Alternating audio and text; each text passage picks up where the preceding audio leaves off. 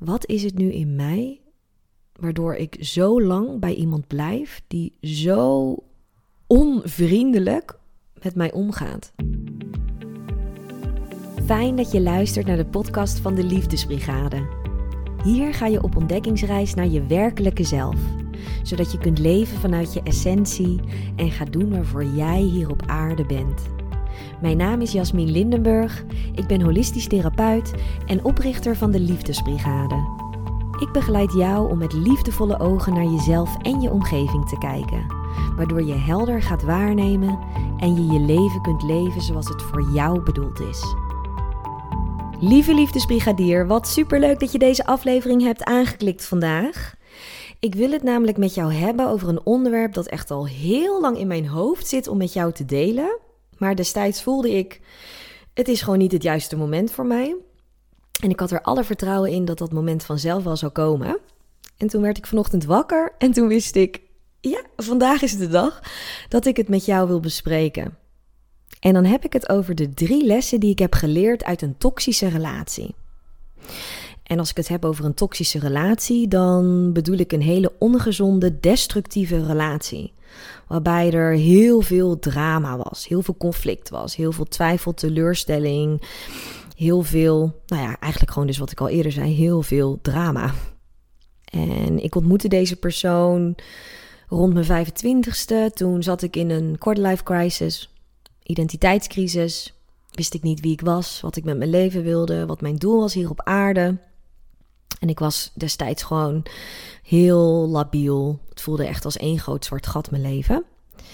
En in die periode ontmoette ik deze persoon en ik dacht dat hij heel krachtig en heel zelfverzekerd was. En ik wilde kosten wat het kost een relatie met deze persoon.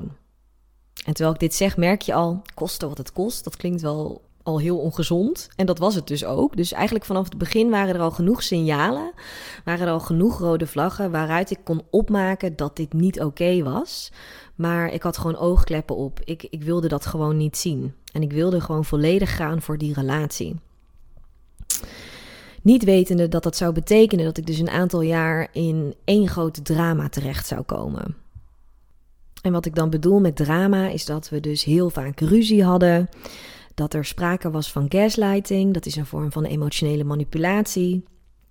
En dat er vanuit mijn kant absoluut sprake was van codependency. En daarmee bedoel ik dat ik mijn eigen gevoelens en mijn eigen emoties en behoeften compleet aan de kant zette. Om maar te kunnen voldoen aan zijn wensen, aan zijn behoeften en aan zijn gevoelens. Dus ik was volledig op hem gericht. En ik was ook echt in de overtuiging dat hij mij nodig had. En dat ik hem nodig had. En dat werd dan natuurlijk ook weer gevoed vanaf de andere kant.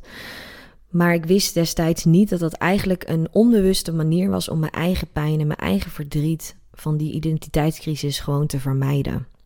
En ik wist wel dat die relatie niet goed was. Ik bedoel, elke dag ruzie met elkaar.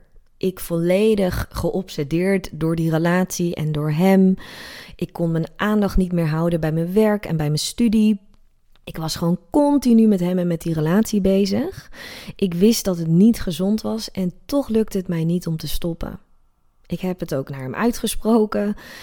Ik wil hiermee stoppen, maar het lukt mij gewoon niet. Jij moet het uitmaken. Ik kan het niet nou ja, dat laat dus wel zien hoe ongezond die relatie was, hoe afhankelijk ik me van hem had gemaakt en hoe verslavend het ook voelde voor mij. Dat ik wist dat die relatie niet goed voor me was en dat het me gewoon niet lukte om daaruit te stappen. En ik vergelijk deze periode uit mijn leven heel vaak als dat ik in het water sprong en dat ik door echt een gigantische kracht steeds dieper in het water werd getrokken. Dat ik steeds meer onder water werd getrokken, terwijl ik dat eigenlijk helemaal niet wilde. Maar dat ik eigenlijk niet anders kon dan me laten meevoeren, totdat ik uiteindelijk de bodem raakte. En dat is dan wel weer het mooie van de bodem raken. Als je de bodem hebt geraakt, dan kun je niet verder naar beneden. Dan kun je alleen nog maar omhoog keren. En binnen deze relatie heb ik absoluut de bodem geraakt, eigenlijk de bodem in mezelf. En dat was op het moment dat ik mezelf begon af te vragen: wat is het nu in mij waardoor ik zo lang bij iemand blijf die zo onvriendelijk met mij omgaat? Waardoor blijf ik in een relatie zitten terwijl ik voel en weet dat het niet goed voor me is en toch lukt het mij niet om eruit te stappen.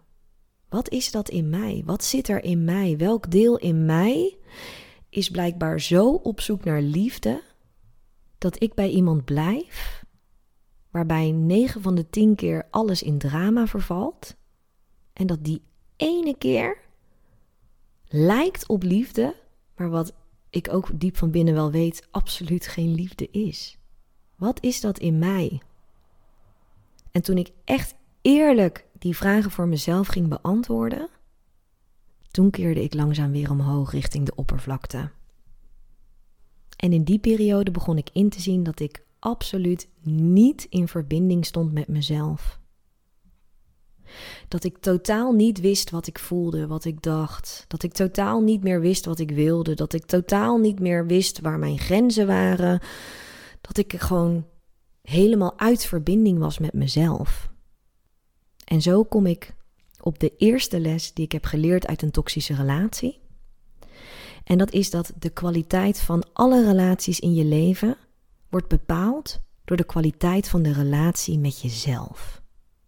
De relatie die jij hebt met jezelf vormt de basis voor iedere andere relatie die jij in je leven aangaat.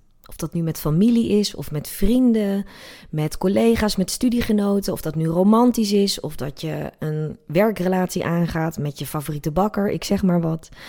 Elke relatie, elke verbinding die jij legt met iemand anders in het leven, is gebaseerd op de relatie die jij hebt met jezelf. Want jij neemt jezelf altijd mee in al die relaties. Ze zeggen vaak: je kunt niet van iemand anders houden als je niet van jezelf houdt. En dat is zo'n cliché. Maar het is niet zomaar een cliché. Het is een cliché met een reden, want het is gewoon absoluut waar. De mate waarin jij kunt houden van iemand anders wordt bepaald door de mate waarin jij kunt houden van jezelf. Het is niet zo dat je hart voor iemand anders helemaal open kan staan en dat je die connectie kan aangaan vanuit liefde, maar dat je hart voor jezelf gesloten blijft en dat je voor jezelf niet liefde kan voelen. Het kan wel lijken alsof je hart helemaal open staat voor die ander, maar als we daar helemaal de diepte in zouden duiken, dan zouden we daarachter komen dat dat niet is vanuit liefde, maar vanuit angst. Dus de kwaliteit van de relaties in je leven wordt bepaald door de kwaliteit van de relatie met jezelf. De verbinding met jezelf is absoluut het allerbelangrijkste in het leven. Zelfliefde is de basis voor een gelukkig leven. Dat is de allergrootste les die ik heb geleerd uit die toxische relatie. De tweede les die ik leerde uit de toxische relatie die ik heb gehad, is dat alles wat je voelt oké is. En dat alles wat je voelt er mag zijn. Ik zei al eerder dat er binnen deze relatie sprake was van emotionele manipulatie. Wat betekende dat er geen ruimte was voor mijn emoties en mijn gevoelens. En als ik die dan toonde, dan zei hij een afspraak af. Of dan wilde hij niet met me bellen. Omdat ik dus emotie had getoond en dat wilde hij niet. En omdat ik hem zo graag wilde pleasen, omdat ik zo graag wilde dat er niet weer opnieuw een ruzie zou komen, dat er niet weer opnieuw een drama zou zijn, paste ik mij daarop aan. En daardoor begon ik eigenlijk mezelf af te snijden van mezelf. Want die emoties en die gevoelens, die waren er gewoon. Maar er was geen ruimte voor binnen die relatie. Dus dat zorgde ervoor dat ik nog verder uit verbinding met mezelf kwam dan ik al was. En pas later besefte ik dat wij mensen altijd wel emoties zullen voelen. De energie van de emoties zal altijd wel door ons systeem heen stromen.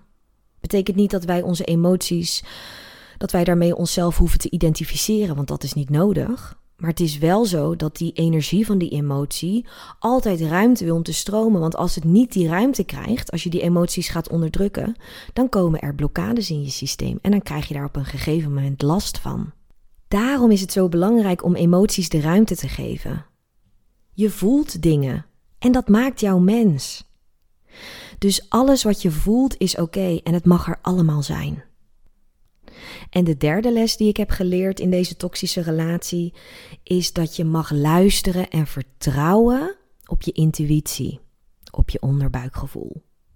Dat gevoel van, hé, hey, er klopt iets niet. En ik weet niet precies wat het is. Ik kan niet helemaal mijn vinger erop leggen, maar ik, ik, ik merk wel dat er iets niet klopt hier. Er is hier iets niet pluis. Dat gevoel, daar mag je op vertrouwen, want dat is je intuïtie, dat is je onderbuikgevoel. En geloof me, je intuïtie is altijd aanwezig. Alleen bij de een staat het volume hoger dan bij de ander. Mijn intuïtie was destijds absoluut aanwezig. Ik schijn het zelfs gezegd te hebben tegen mijn ouders. Er klopt iets niet met deze man. Ik weet niet wat het is, maar ik ga er wel achter komen. Nou ja, dat ik dat dus heb gezegd, dat ik dat heb gevoeld en dat ik daar niet naar heb geluisterd, laat ook heel erg zien dat ik gewoon niet in verbinding was met mezelf. Want iets in mij, een deel in mij, vertelde mij: er is iets niet pluis hier. Dus ga hier niet in verder. Ga hier niet in mee. Het is een waarschuwing, het is een signaal om jou ergens voor te beschermen. En voor mij heeft het echt nog jaren geduurd voordat ik leerde vertrouwen op mijn intuïtie, omdat ja, ik hoorde altijd wel iets van een stemmetje dat zei: er klopt hier iets niet. En lange tijd kwam daar dan gelijk een hardere stem uit mijn hoofd overheen, zo van: Nee, dat is helemaal niks. Je hebt het verkeerd geïnterpreteerd. Oh, het zal wel weer door iets anders komen, maar het zit wel goed hoor. Ja, maar er klopt hier iets niet. Nee, maar dit is gewoon uh, iets anders. Uh, weet je wel, er was dus een hele discussie gaande tussen mijn intuïtie en mijn hoofd. Maar die intuïtie, die liegt niet. Echt, hij liegt echt absoluut niet. Dus als jij in een bepaalde situatie zit of als jij iemand hebt ontmoet en je merkt gewoon, mm, ik weet niet precies wat het is, maar er klopt gewoon iets niet helemaal. En ik snap niet zo goed waar dit vandaan komt, maar dat merk ik gewoon. Vertrouw daar dan alsjeblieft op. Luister daarnaar. Het is er niet voor niks. Durf te luisteren en leer te vertrouwen op je intuïtie, op je onderbuikgevoel. Dat waren de drie lessen die ik heb geleerd uit die toxische relatie. 1. De kwaliteit van de relaties in je leven wordt bepaald door de kwaliteit van de relatie met jezelf. 2. Alles wat je voelt is oké en mag er zijn. En 3. Leer luisteren en leer vertrouwen op je intuïtie, op je onderbuikgevoel, want dat ligt nooit. En naast dat ik deze lessen heel graag met je wilde delen en dat ik hoop dat jij ze op een of andere manier ook kan toepassen op jouw eigen innerlijke reis, wil ik je ook laten weten dat nu ik dit zo met jou deel in deze podcast, dat het echt voor mij voelt alsof ik het over een compleet ander persoon heb. Ik herken me totaal niet meer in de vrouw die ik heb beschreven, die ik destijds was. En de lessen die ik heb geleerd, die zijn voor mij inmiddels gewoon normaal geworden. Dit is gewoon de realiteit waarin ik leef. En de reden dat ik dat heel graag met je wil delen is dat als jij iets herkent uit wat ik heb omschreven van die toxische relatie, als jij dat hebt ervaren in je leven, als jij daar nu misschien op dit moment in zit of je hebt die relatie verbroken, maar je merkt dat het nog heel erg aan je blijft kleven. Ik begrijp heel goed hoe frustrerend en hoe pijnlijk en hoe verdrietig dat is. Dat ken ik uit mijn eigen ervaring. En dat het soms ook echt kan voelen dat je je afvraagt wanneer kom ik hier ooit overheen? En ook als je iemand nieuws ontmoet, wanneer zal ik iemand niet meer door de bril van het verleden gaan zien? En kan ik diegene eindelijk zien voor wie die echt is? Geloof me, dat punt, dat komt echt. Ik hoop je die hoop te geven door te vertellen dat het nu voor mij is alsof ik het over een compleet ander persoon heb. Of in ieder geval op zijn minst dat het een van mijn eerdere levens was, maar absoluut niet dit leven.